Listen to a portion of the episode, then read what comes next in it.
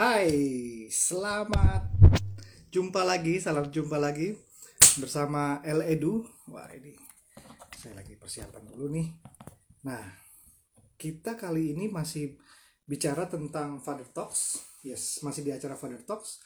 Kita masih ngobrol tentang uh, creator karakter series. Nah, kali ini kita akan berbicara tentang uh, atmosfer. Apa sih itu atmosfer? Kenapa sih kalau mungkin uh, mengetahui bahwa kita sudah lebih dari setahun ya, kita udah lebih dari setahun kita menghadapi pandemik uh, COVID-19 ini dan banyak berubah pastilah ya. Ketika banyak berubah, uh, maka kita harus bersikap untuk uh, gimana caranya supaya segala sesuatunya bisa berjalan dengan baik sebenarnya. Nah, kali ini ketika keluarga, bapak, ibu, ayah, ibu semuanya masih masa-masa pandemik dan harus work from home, bekerja dari rumah, ditambah lagi anak-anak yang pembelajaran jarak jauh, maka semuanya akan ada di rumah. Nah, kualitas lingkungan, kualitas atmosfer, kualitas apa ya? Atmosfer itu keadaan e, di dalam lingkungan rumah kita itu mau seperti apa yang yang oke okay gitu, yang yang sehat buat anak-anak juga buat keluarga. Oke. Okay. Saya kita akan ngobrol lagi dengan uh, foundernya Eledu dengan Pak David. Oke, okay. nanti kita coba cek ya. Udah bisa join belum?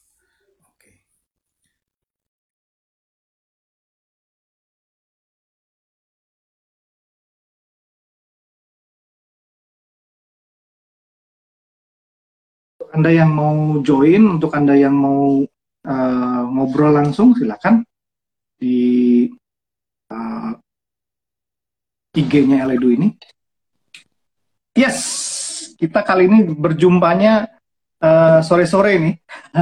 iya, masih terang. iya, masih terang nih. Yes, okay. yes, yes. Tadi tadi kita bicara, saya tadi opening bahwa uh, ya. apa namanya kita menghadapi masa-masa pandemi kemudian semuanya banyak dari rumah gitu walaupun hmm. sudah mulai ada yang uh, apa namanya sudah ada yang uh, mungkin work from office dalam hmm. beberapa hari gitu tapi may mayoritas masih tetap jalan dari rumah nih nah ini ya. gimana yeah. kita bicara mengenai create uh, salah satu dari karakternya creator yaitu atmosfer nah atmosfer yes. itu maksudnya gimana nih ceritanya nih terkait sama ya. keluarga nih Pak? Ya kalau minggu lalu kita berbicara tentang light ya, uh, terang ya, ya kan, ya. menjadi terang ya kan, dan di hari yang indah ini, yang cerah ini gitu ya, kita berbicara hmm. tentang karakternya sang pencipta, yaitu adalah uh, atmosfer ya kan.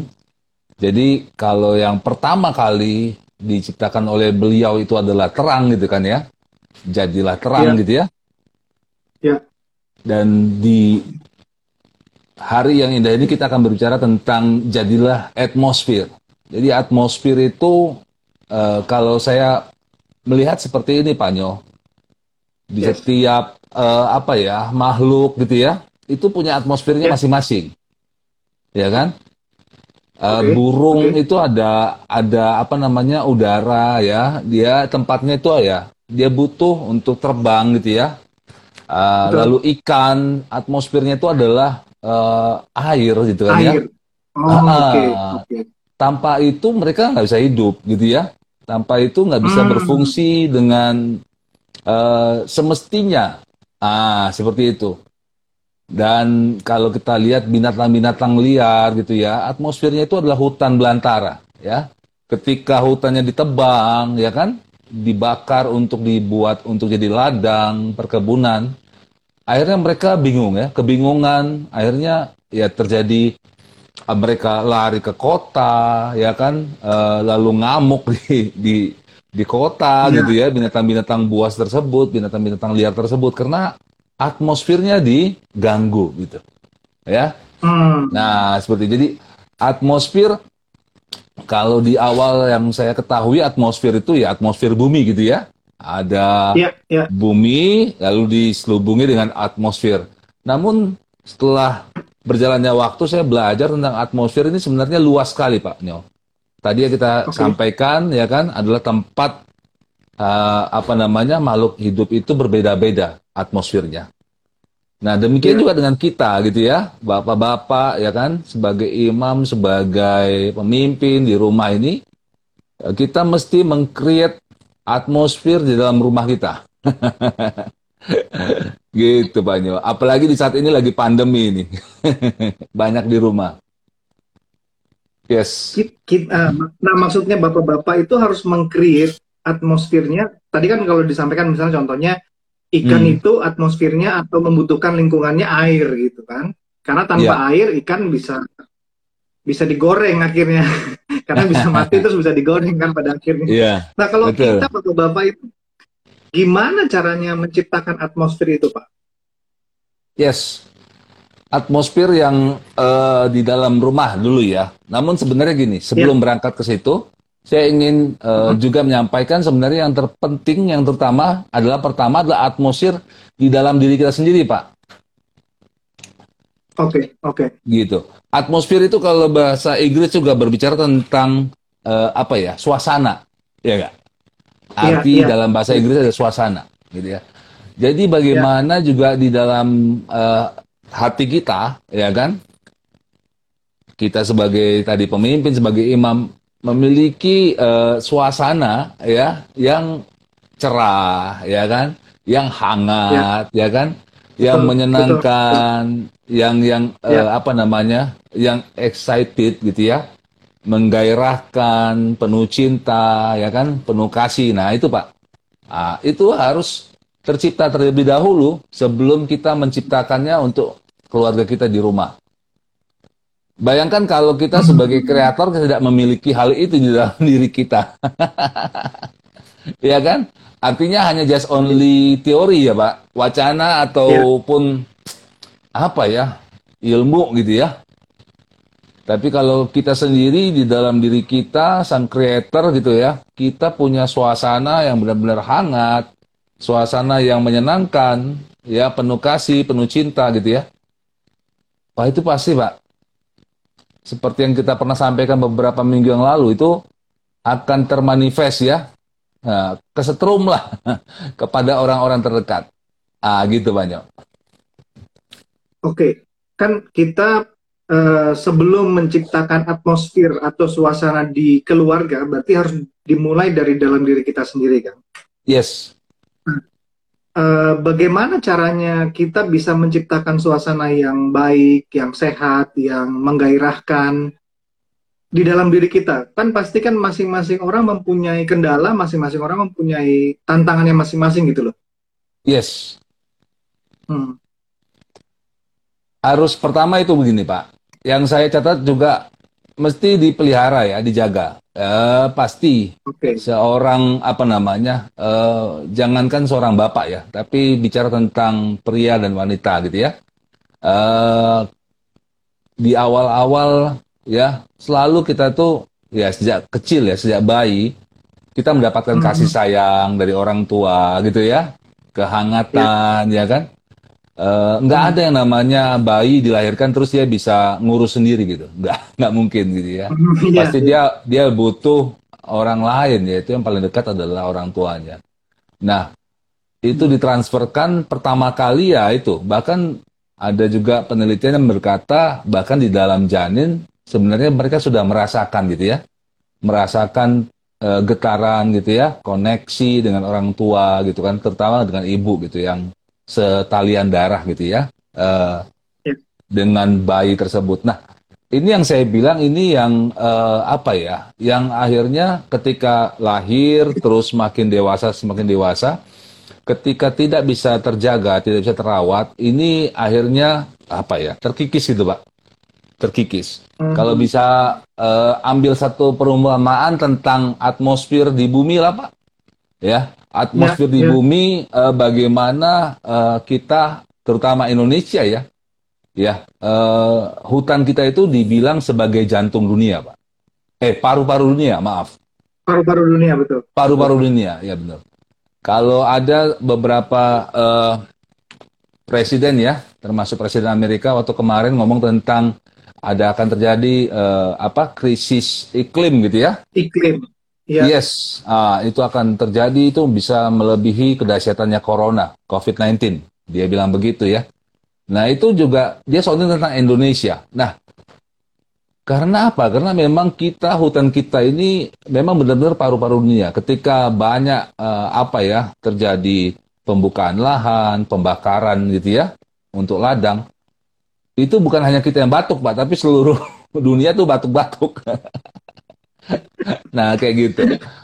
Nah ya, ini yang paru-parunya rusak gitu ya? Eh, paru-parunya rusak gitu ya. Uh, uh, nggak ada hubungannya seperti COVID gitu kan ya, uh, nyerang ke paru-paru gitu ya nggak satu kebetulan. Nah, nah ini yang saya mau tarik garis mer benang merahnya Pak Nyo, gitu ya, bahwa ketika kita semakin dewasa semakin dewasa tidak menjaga gitu ya kelestarian kelestarian dalam diri kita yang akhirnya mempengaruhi atmosfer gitu ya atmosfer di dalam diri kita sendiri contohnya ya kan uh, akan pasti ya kalau kita tidak merawat misalkan Eh, dan memelihara tentang kesabaran, Pak. Gampang sekali emosi gitu ya. Gampang sekali terpancing ya kan?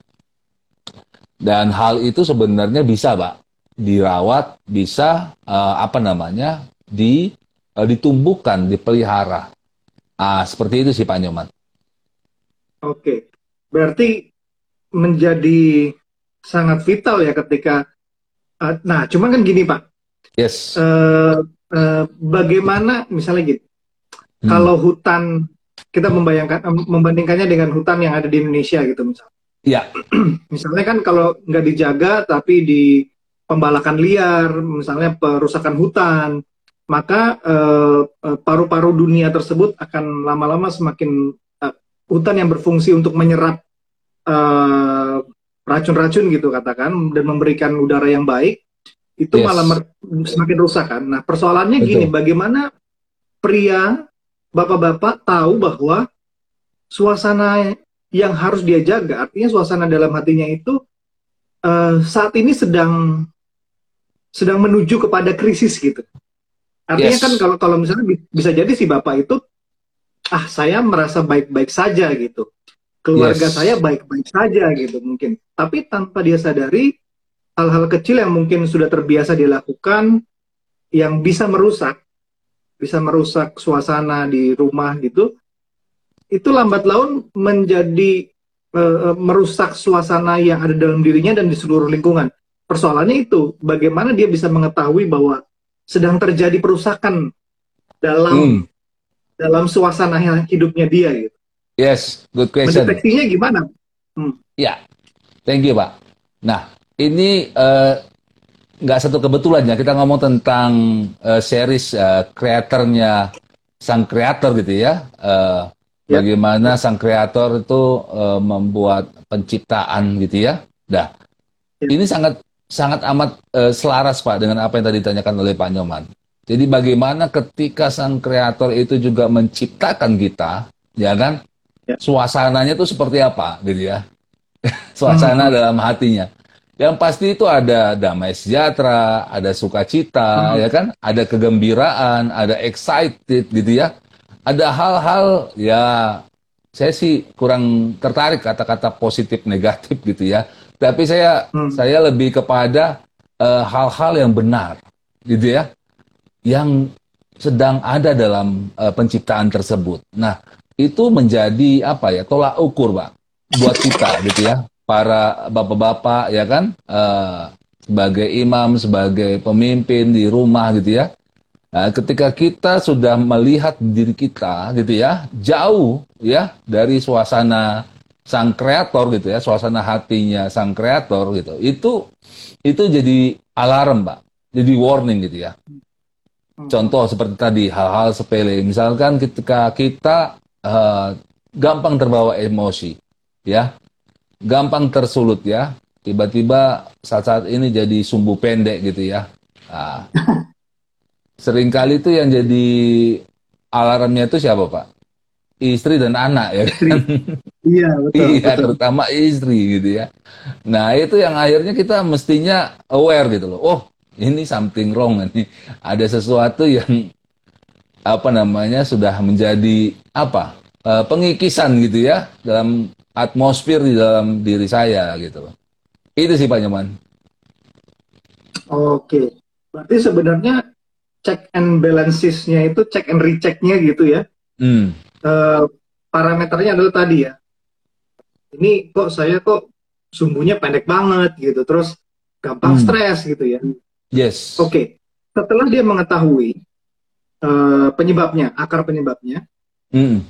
dan apa yang harus bisa kita lakukan gitu supaya ya menetralisir lah, menetralisir racun tersebut yang yang, yang mungkin udah ada di kita gitu. Detoxnya iya, gimana iya. gitu? Yes, yes, yes, yes. Ya, kalau balik lagi ya, contohnya kayak eh, apa namanya hutan gitu ya, eh, sebagai paru-paru paru-paru dunia, hutan Indonesia. ya. Yang dilakukan itu adalah eh, pasti pertama adalah eh, apa?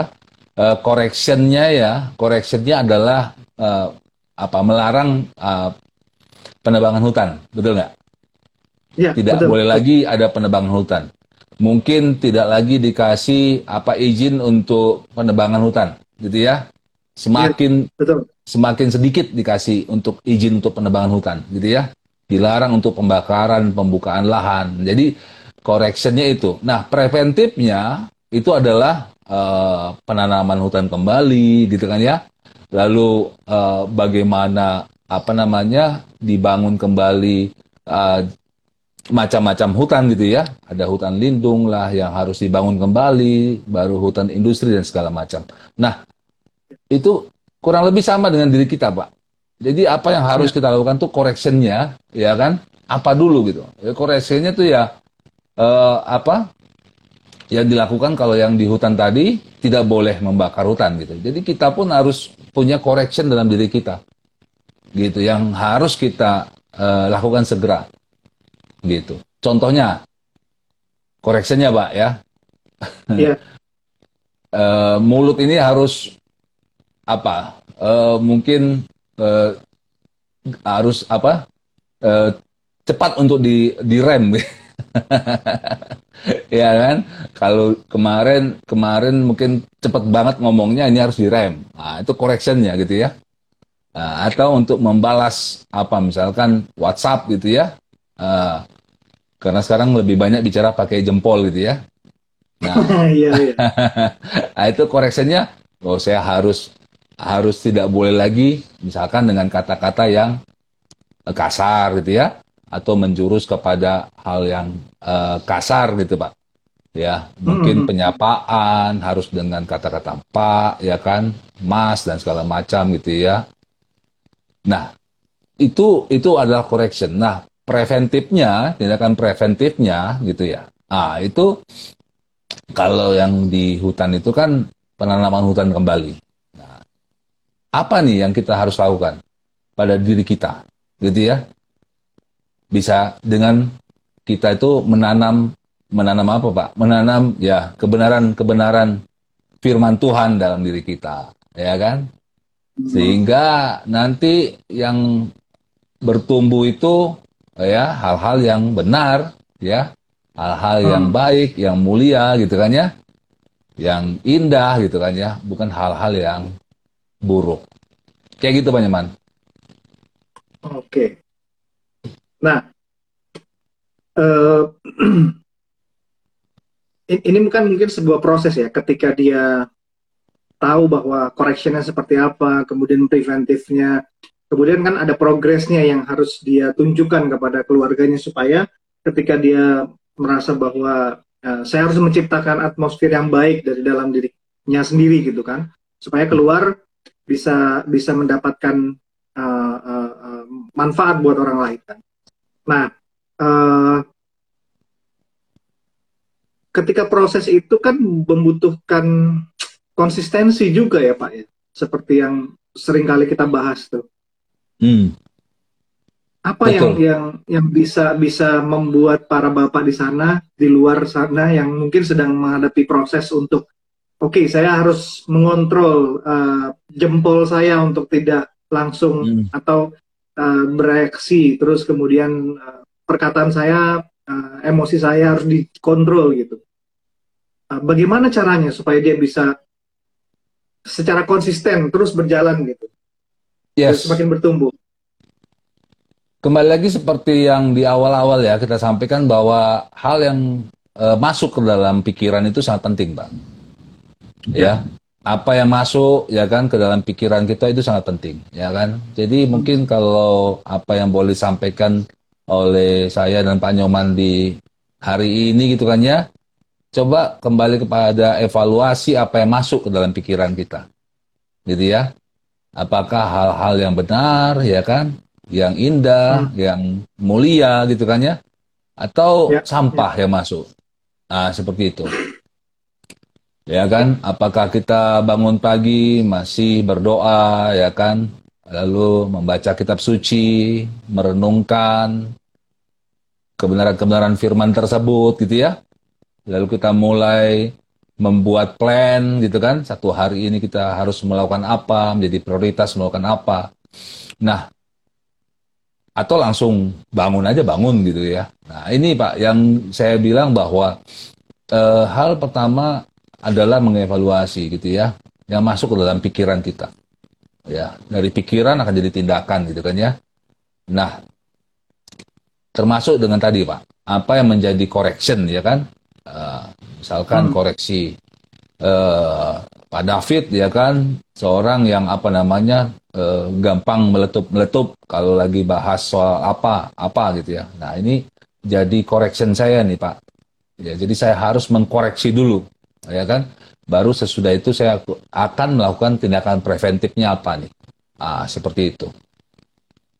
Itu sih Pak artinya kita harus artinya kita juga harus mengetahui istilahnya apa ya eh, eh, titik lemahnya kita gitu ya di area-area atau bidang-bidang apa yang merupakan kelemahan kita bukan berarti kita permisif ya bukan berarti kita ya Hmm. ini kan kelemahan gua gitu jadi kalian harus mengerti gitu nggak nggak gitu juga Iya. tapi di area-area Iya, iya. inilah kita harus me- me- apa ya eh, memperhatikan dengan sangat-sangat supaya jangan jangan menjadi sumbu pendek lagi gitu kali ya Betul betul Pak.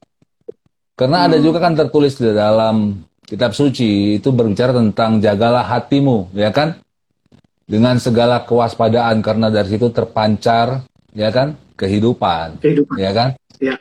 Nah, jadi benar-benar hati itu berbicara tentang atmosfer, Pak. Maksudnya suasana, ya. Di dalam hati itu sangat amat penting, Pak. Kita sebagai kreator, ya kan, kita bagaimana belajar tentang atmosfer di mana juga sang kreator itu melakukannya waktu penciptaan, ya. Nah, begitu juga dengan kita, gitu ya. Suasana hati, ya. Itu yang pertama yang saya bilang eh, harus dimiliki oleh kita. Ya, suasana hati yang tadi, yang bagaimana yang menyenangkan, yang hangat, yang penuh kasih, penuh cinta, excited gitu ya. Nah, itu yang yang yang saya catat yang penting ah, seperti itu. Yang kedua tadi yang saya catat adalah ah, bagaimana kita melakukan correction gitu ya. Correction, lalu yang ketiga adalah preventif. Seperti itu, Pak. Hmm. Nah, yang keempat yang saya catat juga itu adalah berbicara tentang atmosfer, memang atmosfer, Pak ya. Kalau kita tahu atmosfer itu bagaimana menjaga dari barang-barang atau benda-benda yang jatuh dari antariksa, benar ya? ya betul betul Eh, kalau enggak mungkin wah udah kita udah kejatuhan meteor udah hancur-hancur terus-terusan gitu ya. Ah, kayak gitu. Nah, nah, ini yang penting gitu ya. Ketika kita sudah menjaga ya kan pertama adalah atmosfer di dalam diri kita, dalam hati kita gitu ya. Lalu kita menciptakan atmosfer di dalam eh, rumah kita, keluarga kita, untuk istri, untuk anak, untuk kita ya. Ya, sampai nanti kepada lingkungan, sampai kepada tempat kerja ya, bahkan ke bangsa gitu ya. Nah, saya mencatat seperti ini, Pak, bahwa eh, ketika kita bisa menjaganya gitu ya, dari dari dari apa? Dari serangan-serangan tadi ya, yang dari eksternal ke internal gitu ya, mau menyerang kita, gitu ya. Nah, saya nangkapnya seperti ini, Pak Nyoman. Ini ini hal yang luar biasa. Kita bandingkan gitu ya, eh, bagaimana juga sekarang serangan-serangan dalam tanda kutip apa ya, kecanggihan teknologi gitu ya, yang sekarang sudah, sudah tidak bisa dibendung. Eh, informasi-informasi masuk gitu ya, masuk ke gadget gitu ya, lalu dipegang oleh anak kita, ya kan? Ya. Sudah siap atau enggak mereka gitu di usianya mereka gitu ya? Mereka bisa menyaring Hmm. nggak gitu ya? Mereka udah bisa nggak Ya. mereka? ah, kalau saya mungkin zamannya saya dan Pak Nyoman ya tahu sendiri apa ya masih TV juga cuma satu ya kan? Stasiun TV ya kan? Isinya kita tahu sendiri kan kayak gimana ya kan? Terus kalau Iya, mau iya. ya baru nyewa itu yang apa Pak? Betamax ya? Atau VHS gitu ya? Ya, ah. Ya, jadi ada prosesnya. Sekarang anak-anak dengan buka gadget ya kan? Sekian detik langsung. Nah tapi ketika kita bisa menciptakan suasana dalam rumah pak yang hangat yang menyenangkan ya kan? Yang penuh cinta yang excited gitu ya. Saya yakin dan percaya gitu pak. Anak-anak itu akan ya itu yang di gadget itu hanya apa ya? Hanya ya hanya permainan aja lah gitu. Bukan yang utama. Tapi kebersamaan dengan kita itu menjadi hal yang utama. Ah kayak gitu Pak Nyaman oke. Ketika bicara kalau kalau yang apa namanya kecanggihan teknologi ini kan ya Hmm. sudah tanpa batas bahkan anak-anak Yes. ketika melakukan uh, pembelajaran jarak jauh dia sudah semakin mungkin eh, nggak tahu kalau saya dibandingkan anak saya tuh bicara mengenai Zoom, bicara mengenai Google Classroom, mereka lebih jago gitu pasti. Karena mereka Iya. setiap hari berhadapan dengan itu gitu kan. betul Sementara betul kita mungkin tidak tidak tidak harus setiap hari untuk bertemu dengan Google Classroom dan dan segala macam. Tapi mereka lama-lama kan belajar, belajar dan belajar. Nah, yes eh, akhirnya si ayah atau orang tua itu juga harus berinisiatif gitu ya, mengambil inisiatif untuk mempelajari hal-hal tersebut supaya jangan sampai ketika anaknya datang dan minta tolong dicarikan sesuatu, mereka nggak ngerti gitu. Nah, ketika nggak ngerti, ah udah mendingan gue cari sendiri aja lah. Kata si anak begitu kan. Oh Kita ya tahu ketika Mm. saya cari sendiri aja, dan dia bisa cari yang macam-macam gitu. betul betul betul ya ini apa namanya eh, kembali kepada orang tua juga harus belajar ya harus belajar Hmm. ya harus belajar contohnya sekarang Pak waduh canggih banget lah gitu ya Eh, bahkan ada Iya. aplikasi di mana bisa kasih jawaban ya Pak ya tinggal diarahin gitu kan ke soalnya Iya, iya. langsung keluar jawabannya. Saya bilang, wah ini luar biasa. Tapi, ya kan? Tapi apakah uh, itu yang disampaikan sama Pak Nyaman benar ya? Kalau anak sendiri yang nyari, ya dia akan nyari yang sedemikian rupa gitu ya. Dan akhirnya dia nggak akan mau belajar. Iya, Kayak betul, gitu. betul. Kalau kalau dulu zamannya kita mungkin ketika belum ada kecanggihan teknologi dan internet ini, kita Hmm, harus mencari dari buku, harus membaca, nggak bisa lengkap-lengkap gitu kan. betul, Detil betul. kita. Tapi kalau sekarang ya jadi memang dua sisi koin gitu ya. Kalau Yes. mau mendapatkan lebih banyak ya ilmu ya teknologi ini sebenarnya berperan gitu ya. Ya. Cukup mengkhawatirkan berarti ya. Iya, saya sih lebih pada ini Pak Nyo. Jadi bukannya nanti kita apa ya, sebagai bapak nanti kita bukannya nanti eh, akhirnya, wah saya harus belajar nih supaya tidak ketinggalan teknologi. Ya itu benar sih. Tapi gini, eh, bagaimanapun kita akan ketinggalan sama anak kita. Percaya nggak? Iya, iya. Bagaimanapun, ya kan? Sehebat apa pun kita gelarnya gitu ya, dibandingkan anak kita nih yang masih bocah-bocah gitu ya kita akan pasti akan ketinggalan. Ya. Tapi, nah ini ada tapinya. Yang kita mesti ciptakan itu tadi Pak, atmosfernya Pak. Bagaimana Hmm. atmosfer di dalam rumah itu, ya kan? Sehingga semua habitat ya kalau saya boleh bilang gitu ya, atau manusia lah jangan habitat, itu betah Pak di dalamnya. Dia nggak akan keluar dari situ. Yang mereka mereka rindukan adalah rumah gitu ya. Yang mereka rindukan adalah kehangatan dalam rumah. Ada sukacita, ada keceriaan gitu ya. bukan yang semu, bukan yang hanya lewat uh, apa namanya sosial media gitu ya, tapi yang memang benar-benar human touch, ada sentuhan, ada emosi, ada perasaan gitu ya, ada getaran di sana. Nah itu yang nggak bisa uh, nggak bisa digantikan pak. Saya yakin dan percaya gitu ya, walaupun robot seperti apa pun nanti akan diciptakan, ya itu tidak akan bisa digantikan karena ya itu tadi kita diciptakan tuh serupa dan segambar dengan sang pencipta, ya kan? Bahkan suasana sang pencipta, suasana hatinya ketika menciptakan kita pun, ya kan? Itu hal-hal yang benar, hal-hal yang mulia, hal-hal yang baik gitu. Nah itu yang masuk ke dalam diri kita. Dan itu yang mestinya kita ciptakan sekarang ya. Pertama untuk diri kita suasana hati ya kan? Baru berikutnya adalah kepada orang terdekat istri anak ya keluarga. Ya nanti akan kepada kantor tempat bekerja bisnis gitu kan? Lingkungan sampai kepada bangsa. Gitu Nyaman oke Pak pertanyaannya kan gini ketika ya oke okay lah si bapak atau suami atau pemimpin di rumah itu uh, mengetahui gitu tadi titik lemahnya kemudian dia mulai melakukan uh, correction ya kan untuk ya. mengubah yeah. atmosfer dalam dirinya dia melakukan correction kemudian dia melakukan preventif uh, dan yeah. mengetahui dengan pasti bahwa atmosfer yang uh, uh, dia mau ciptakan itu kan bisa melindungi dari ancaman-ancaman eksternal tadi kan Nah, yes. ketika mungkin mungkin ada ada bapak-bapak di sini yang nanti menyaksikan itu uh, dia sudah mengalami uh, kerusakan kerusakan ekosistem akibat atmosfer yang tidak baik yang mungkin sudah terjadi gitu kan. Bagaimana caranya si keluarga ini juga suportif gitu? Yes. Kalau dalam sisi uh, pertanyaan yang tadi disampaikan Pak Nyoman gitu ya, yang pasti pertama adalah harus ada keterbukaan, ya kan? Keterbukaan dari si bapak itu, ya kan? Karena ada perkataan yang berkata begini Pak, ya kan? Awal pemulihan itu adalah keterbukaan, ya kan? Yeah. Jadi harus terbuka dulu. susah kalau nggak mau terbuka ya susah gitu ya. Iya.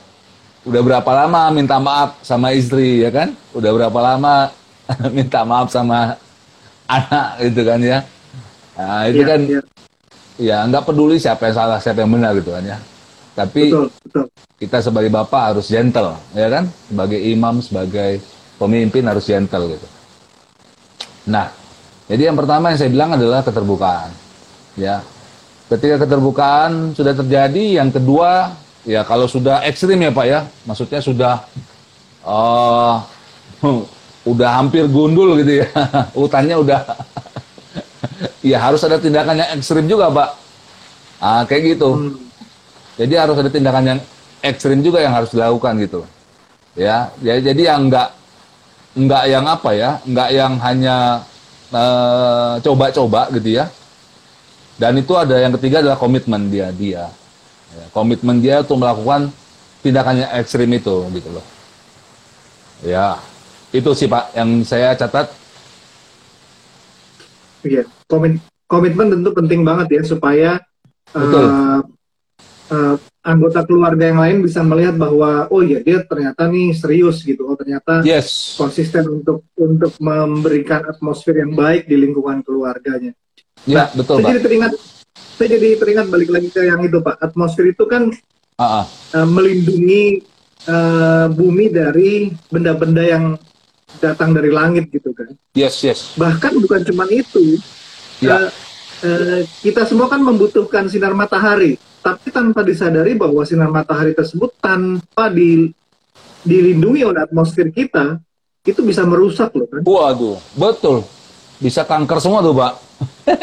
iya. Iya. Padahal matahari adalah sumber kehidupan juga kan buat kita ya. Yes, Jadi, yes. Disadari bahwa orang mungkin ya apa istilahnya ya, saya melihatnya ada hal-hal yang uh, begitu melekat di kita mungkin iya. hobi yeah. kita itu bisa, tanpa disadari itu bisa merusak juga loh kalau kita tidak memberikan perlindungan gitu ya Ya, betul Pak Nyaman. Jadi bagaimana juga bicara tentang atmosfer ini sebagai apa ya? Sebagai memang betul ya tadi kata Pak Nyaman ya, eh, disaring ya Pak ya, Betul. Eh, sebagai peneduh gitu kan ya. Sinar matahari yang penting, tapi kalaupun berlebihan akan membakar ya kan, akan menyakiti ya kan. Ya. Tapi dengan adanya atmosfer ya kan, itu melindungi. Betul sekali Pak Nyaman. Setuju. Iya, oke. Nah, tadi kan ini untuk bapak-bapak atau siapa pun Anda yang menyaksikan program Father Talks, kita masih berbicara mengenai creator character series. Kita masih berbicara Yes. mengenai atmosfer. Kalau minggu lalu kita bicara mengenai terang, light. Hmm. Beberapa hal yang sudah disampaikan dan diskusi kita tadi bahwa eh, atmosfer itu juga merupakan suasana. Jadi kita harus menciptakan suasana yang baik, yang sehat, yang penuh kasih, Yes. penuh cinta, menggairahkan, dan suasana itu harus dijaga karena kalau nggak dijaga bisa terkikis. Kita analogikan tadi mengenai atmosfer itu atmosfer yang ada di dalam uh, bumi ini gitu. Dia melindungi bumi dari dari benda-benda yang di langit, bahkan Yes. melindungi dari sinar ultraviolet yang bisa merusak tadi.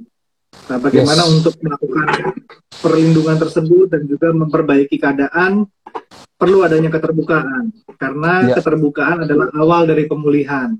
Yes. Lakukan hal-hal yang ekstrim kalau memang sudah rusak parah gitu. Kalau hutan sudah gundul ya kita harus melakukan hal-hal yang ekstrim supaya uh, hutan tersebut bisa tumbuh dan bisa memberikan uh, suasana yang baik untuk lingkungan hidup kita dan dibutuhkan Ya. komitmen supaya kita bisa terus melangkah dan melangkah. Nah, pertanyaannya kemudian adalah Pak, Ya. eh, bahwa keluarga ini kan membutuhkan eh, suasana yang baik tadi kan. Ya. Kalau misalnya gini, eh, si bapak sudah mulai melakukan perubahan, ada progresnya, kemudian si si anak dan eh, ibu juga sudah melakukan supporting sistem dengan baik gitu ya. Ya. Tapi kalau misalnya serangan demi serangan itu terjadi, bagaimana ya Pak? Dari luar terutama. dari luar. Oke. Pertanyaan yang bagus sekali, ya. Jadi gini Pak Nyoman. Banyak hal yang jadi kesalahan gitu ya dari bapak-bapak gitu ya. Saya berbicara tentang bapak-bapak karena saya juga bapak-bapak gitu ya. Kita lagi bicara tentang father talk di sini. Ya. Jadi kita berbicara tentang bapak-bapak. Nah, acap kali yang salah adalah gini. Kita cari suasana itu suasananya langsung kita pergi ke suatu tempat. ya kan? Rekreasi ke mana gitu loh. Tapi malah berantem di hotel nanti ya kan. Bisa rame gitu kan ya. Tetap aja walaupun di tempatnya tempat rekreasi yang bagus ya kan. Tapi bisa juga di sana malah panas gitu ya. Malah waduh Ah, benar atau benar? ya kan? Jadi kalau saya bilang, ya bukannya saya anti rekreasi ya Pak ya, enggak sama sekali enggak. Saya juga senang dengan rekreasi. Ya, tapi jangan sampai rekreasi itu menjadi kayak gini. Jadi jadi eh, oh ya kita harus ganti suasana nih. Kita pergi ke sana. Waduh kalau saya bilang itu sangat sangat salah gitu ya. Yang pertama sekali yang harus diganti itu adalah suasana hati Pak. Dari si penciptanya dulu baru dia bisa menciptakan suasana di sekitarnya. Nah gitu ya. Kalau ditambah dengan rekreasi ya jadi lebih lengkap lah, sempurna ya Pak ya. Ah kayak gitu. Tapi kalau belum diberesin dulu, ya kan suasana hatinya, suasana dalam keluarganya, saya bisa jamin Pak. Mau jalan-jalan ke mana juga bisa berantem juga, bisa panas-panasan juga gitu ya.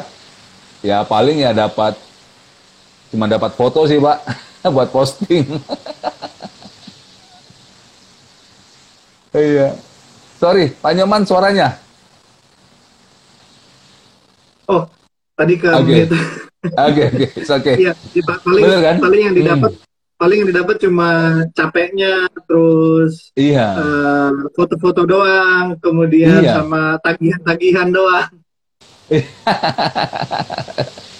Betul kan? Tujuan Nah, utamanya untuk refreshing, tujuan utamanya untuk mengganti suasana, mengganti atmosfer malah iya. nggak tercapai gitu kan.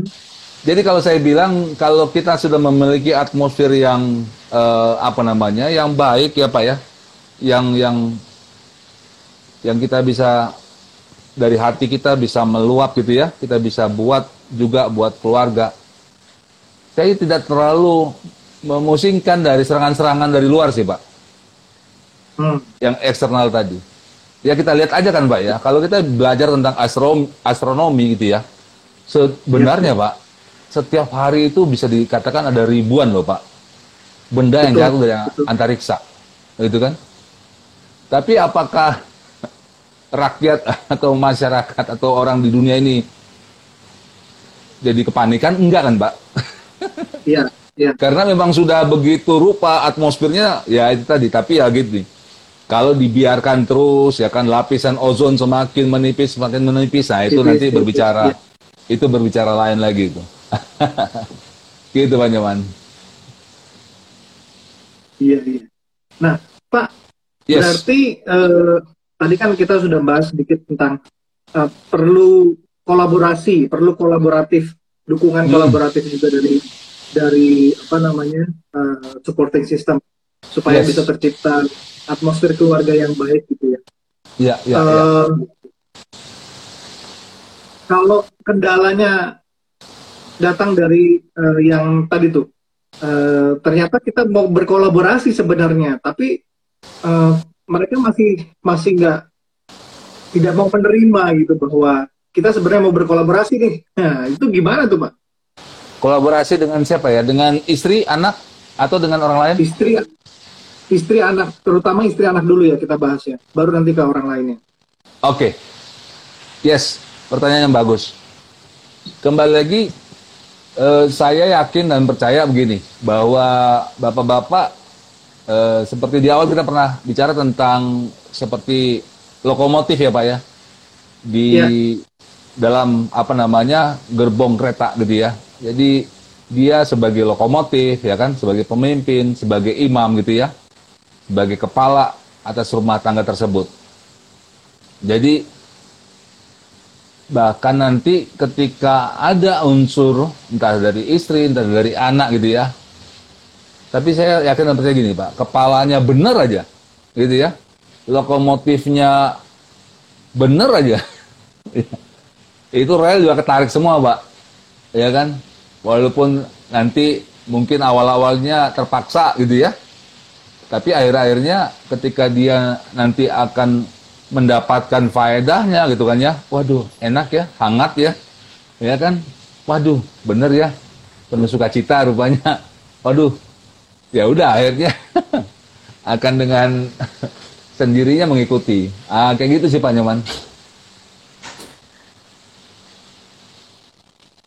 Sorry Pak, ke-mute. Oh ya, mungkin mungkin ini ya apa namanya kalau hmm, kan kita akan berdampak terhadap setelah keluarga kemudian kepada lingkungan terdekat. Yes. Kalau lingkungan masih belum mau menerima bagaimana ya Pak? Belum menerima Bahwa kita sedang proses untuk menciptakan atmosfer yang baik tadi. Ya. Ketika tadi keluarga gitu ya, keluarga Ya. sudah eh, mengalaminya dan mereka sudah ikut gitu ya atas lokomotif tadi kan sebagai kepala gitu ya, imam sebagai pemimpin gitu. Lalu bagaimana lingkungan gitu ya, tetangga gitu ya dan lain sebagainya. Saya teringat sih Pak, balik lagi seperti apa yang terjadi atas Nuh dan keluarga gitu ya. Ya. Nuh dan ya, keluarga bagaimana mereka bertahun-tahun bikin bahtera ya kan? Diketawain sama tetangga ya kan? Bikin bahtera di atas bukit atas gunung gitu kan? Buat apa sih gitu? Tapi dia lakukan terus gitu loh. Itu berbicara tentang contoh akhirnya satu keluarga Nuh selamat gitu ya. Istri anak-anak dan tiga orang calon mantu gitu ya itu contohnya. Tapi ada juga contohnya yang begini, Pak. Contohnya yang akhirnya satu orang bapak gitu ya merubah keluarganya gitu ya ada juga loh pak ya yang lingkungannya yang ikut serta gitu ya kepada apa yang sedang dia rubah. Nah, contoh kedua hal ini ini berbicara tentang uh, orang tersebut, maksudnya si bapak itu ya keyakinan dia gitu loh pak. Atas apa yang dia pilih gitu loh. Apa yang dia ingin ciptakan. Suasana apa yang ingin dia bangun gitu. Dan uh, keyakinan apa gitu. Itu yang akhirnya uh, yang terpenting dibandingkan tadi. Kalau kita memikirkan memusingkan wah kayaknya maksudnya kayaknya nggak diterima nih gitu kan ya perubahan-perubahannya gitu ya. Waduh dianggap sebagai aliens ya. Makhluk asing ini saya lama-lama. Akan kayak gitu gitu ya. Tapi percayalah Pak Nyoman gitu ya. Kalau kita baca gitu kan uh, history history uh, change maker gitu ya pembuat sejarah gitu ya baik di kitab suci maupun yang ada di apa namanya toko-toko dunia gitu ya itu kelihatan kok mereka itu adalah orang-orang yang penuh keyakinan atas apa yang mereka akan bangun gitu kita bisa bicara tentang Mahatma Gandhi ya kan kita bisa bicara tentang Mother Teresa kita bisa bicara tentang wah banyak hal ya kan uh, yang contoh-contoh yang lain gitu loh, toko-toko yang ada di dunia. Kayak gitu Pak Nyaman. Oke. Okay.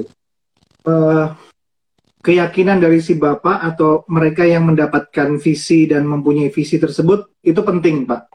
Tapi bagaimana yes. kalau kan itu kan uh, mungkin keyakinan si Bapak gini, saya mau berubah, saya mau menciptakan atmosfer atau suasana yang baik di keluarga saya.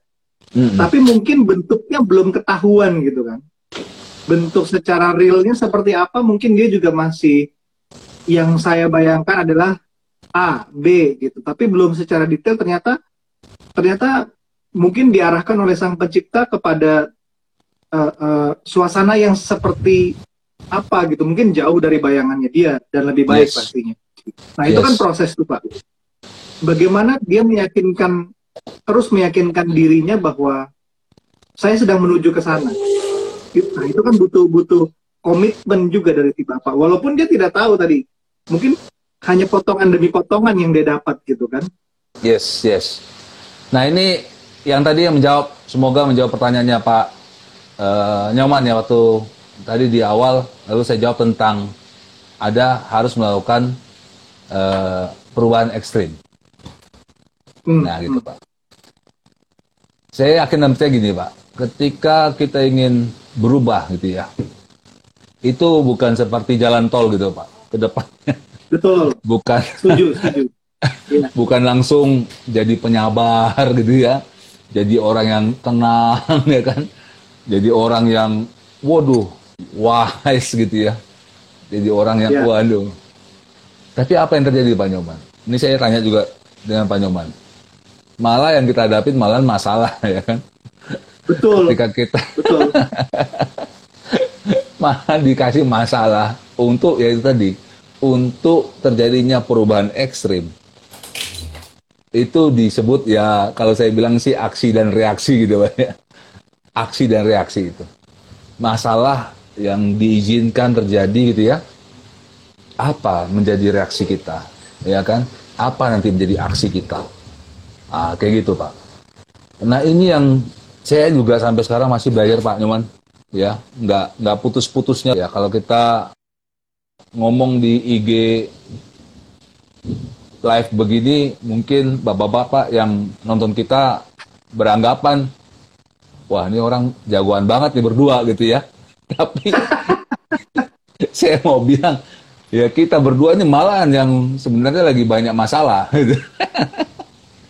Iya kan Pak Nyoman tapi kita mau ya. berbagi ya berbagi bukannya berbagi masalah tapi kita mau berbagi solusi ya kita mau berbagi uh, jalan keluar.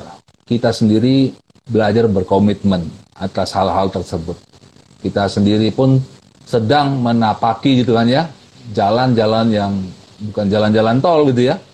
Nah Tapi percayalah, nah ini yang satu hal yang saya senang eh, bahwa ketika kita masuk ke dalam sebuah proses gitu ya, dan apa menjadi aksi, apa menjadi reaksi, dan apa menjadi aksi kita, itu eh, menguatkan ya eh, muscle-muscle kita nanti, ya otot-otot kita, otot-otot eh, kita akan jadi kuat. Nah, di situlah terjadi pembentukan karakter yang bagus, Pak. Ya, dari tindakan jadi sebuah kebiasaan, kebiasaan jadi karakter. Nah, di situlah yang saya uh, dan Pak Nyoman dan Eledu ini rindukan, ya, dalam setiap sesi demi sesi ini kita berbagi, kita sharing gitu ya. Bukan karena kita yang paling jago, bukan karena kita yang paling hebat, tapi karena kita juga yang sedang menjalaninya ini.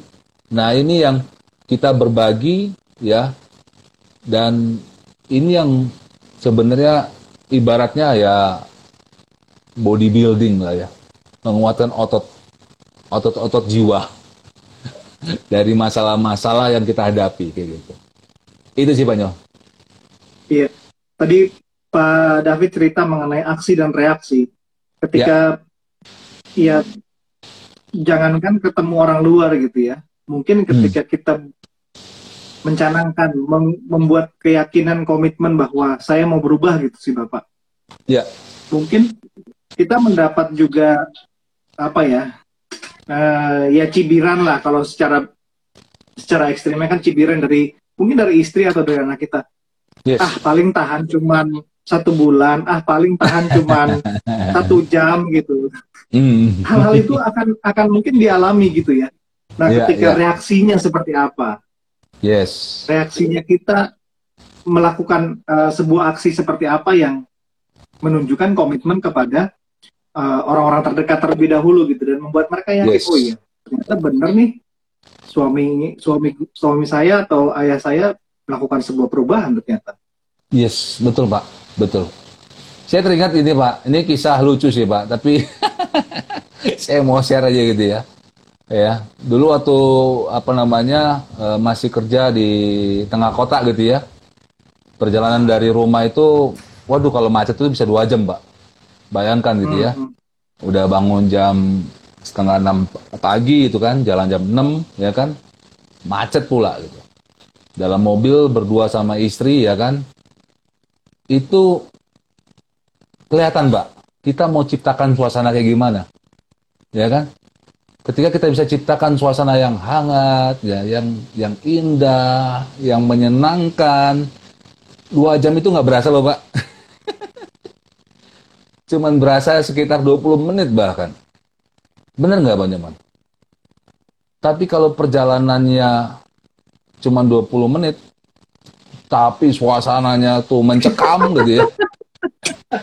Suasana yang dengan 100 derajat yeah. Celcius gitu ya. Waduh, yeah. itu bisa kayak dua hari ya di dalam mobil kok nggak nyampe nyampe gitu ya. Buru-buru sampai gitu kan ya. Karena ya dulu ya karena memang kendaraan kami cuma satu jadi ya ya kita harus inilah anterin dulu ya kan istri gitu baru lanjut ke kantor gitu. Nah, itu waduh perasaannya wah biar buru-buru sampai. Tapi kalau suasana menyenangkan ya kan happy ya kan Dua jam itu nggak berasa loh Pak Bener-bener nggak berasa. Tiba-tiba, eh, udah deket kantor kamu nih. Ya, kan gitu. ya udah kan, senang jadinya. Nah itulah Pak, e, contoh sederhana gitu ya. Dimulai dari suasana kita sendiri, suasana hati kita, ya kan, sampai kita bisa menciptakan suasana di sekitar kita, gitu ya. Seperti itu, Pak. Iya, iya. Dua, dua jam uh, bisa jadi 20 menit, tapi yeah. yang 20 iya. menit bisa jadi kayak dua hari itu rasanya aduh.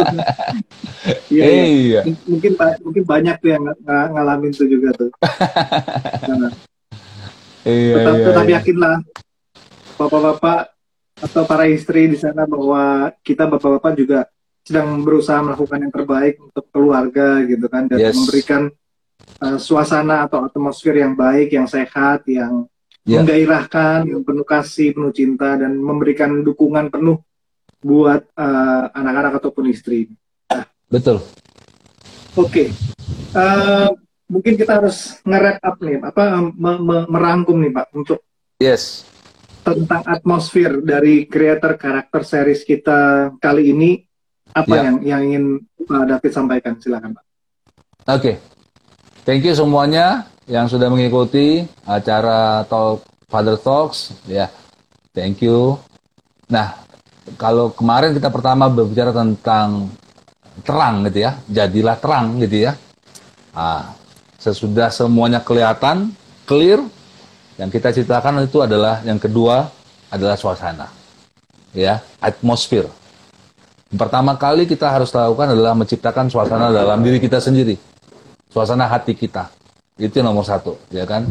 Jangan sampai kita hanya memberikan teori, ya kan, kepada istri, kepada anak tentang atmosfer, tentang suasana yang ingin kita ciptakan, tapi kita bereskan di dalam diri kita dulu. Yang kedua adalah, ya, bagaimana kita mengawalinya dengan orang-orang terdekat yang dalam rumah. Kepada istri kita, kepada anak kita. Ya kan? Apalagi saat ini sedang pandemi, kita banyak di rumah. Mari ciptakan atmosfer, atmosfer, suasana, ya kan? Yang penuh cinta, penuh kehangatan, ya kan? Penuh kreativitas, penuh dengan excited gitu ya, kegairahan gitu ya. Jangan ciptakan eh, apa namanya eh, hal-hal individu gitu ya, satu di kamar, satu di kamar yang lain, ya kan? Satu di ruang tamu gitu ya. Tapi mari dari bapak-bapak, ya kan? Sang pemimpin, sang imam gitu ya, ciptakan.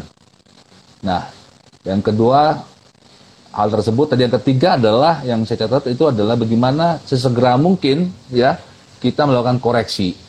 Ya, koreksi ketika kita mengetahui sudah begitu jauh kita rupanya dari apa yang dibuat pertama kali suasana oleh sang pencipta kepada kiri, diri kita, nah, kita harus cepat-cepat untuk melakukan koreksi. Dan yang keempat yang saya catat adalah preventif. Tindakan-tindakan preventif apa?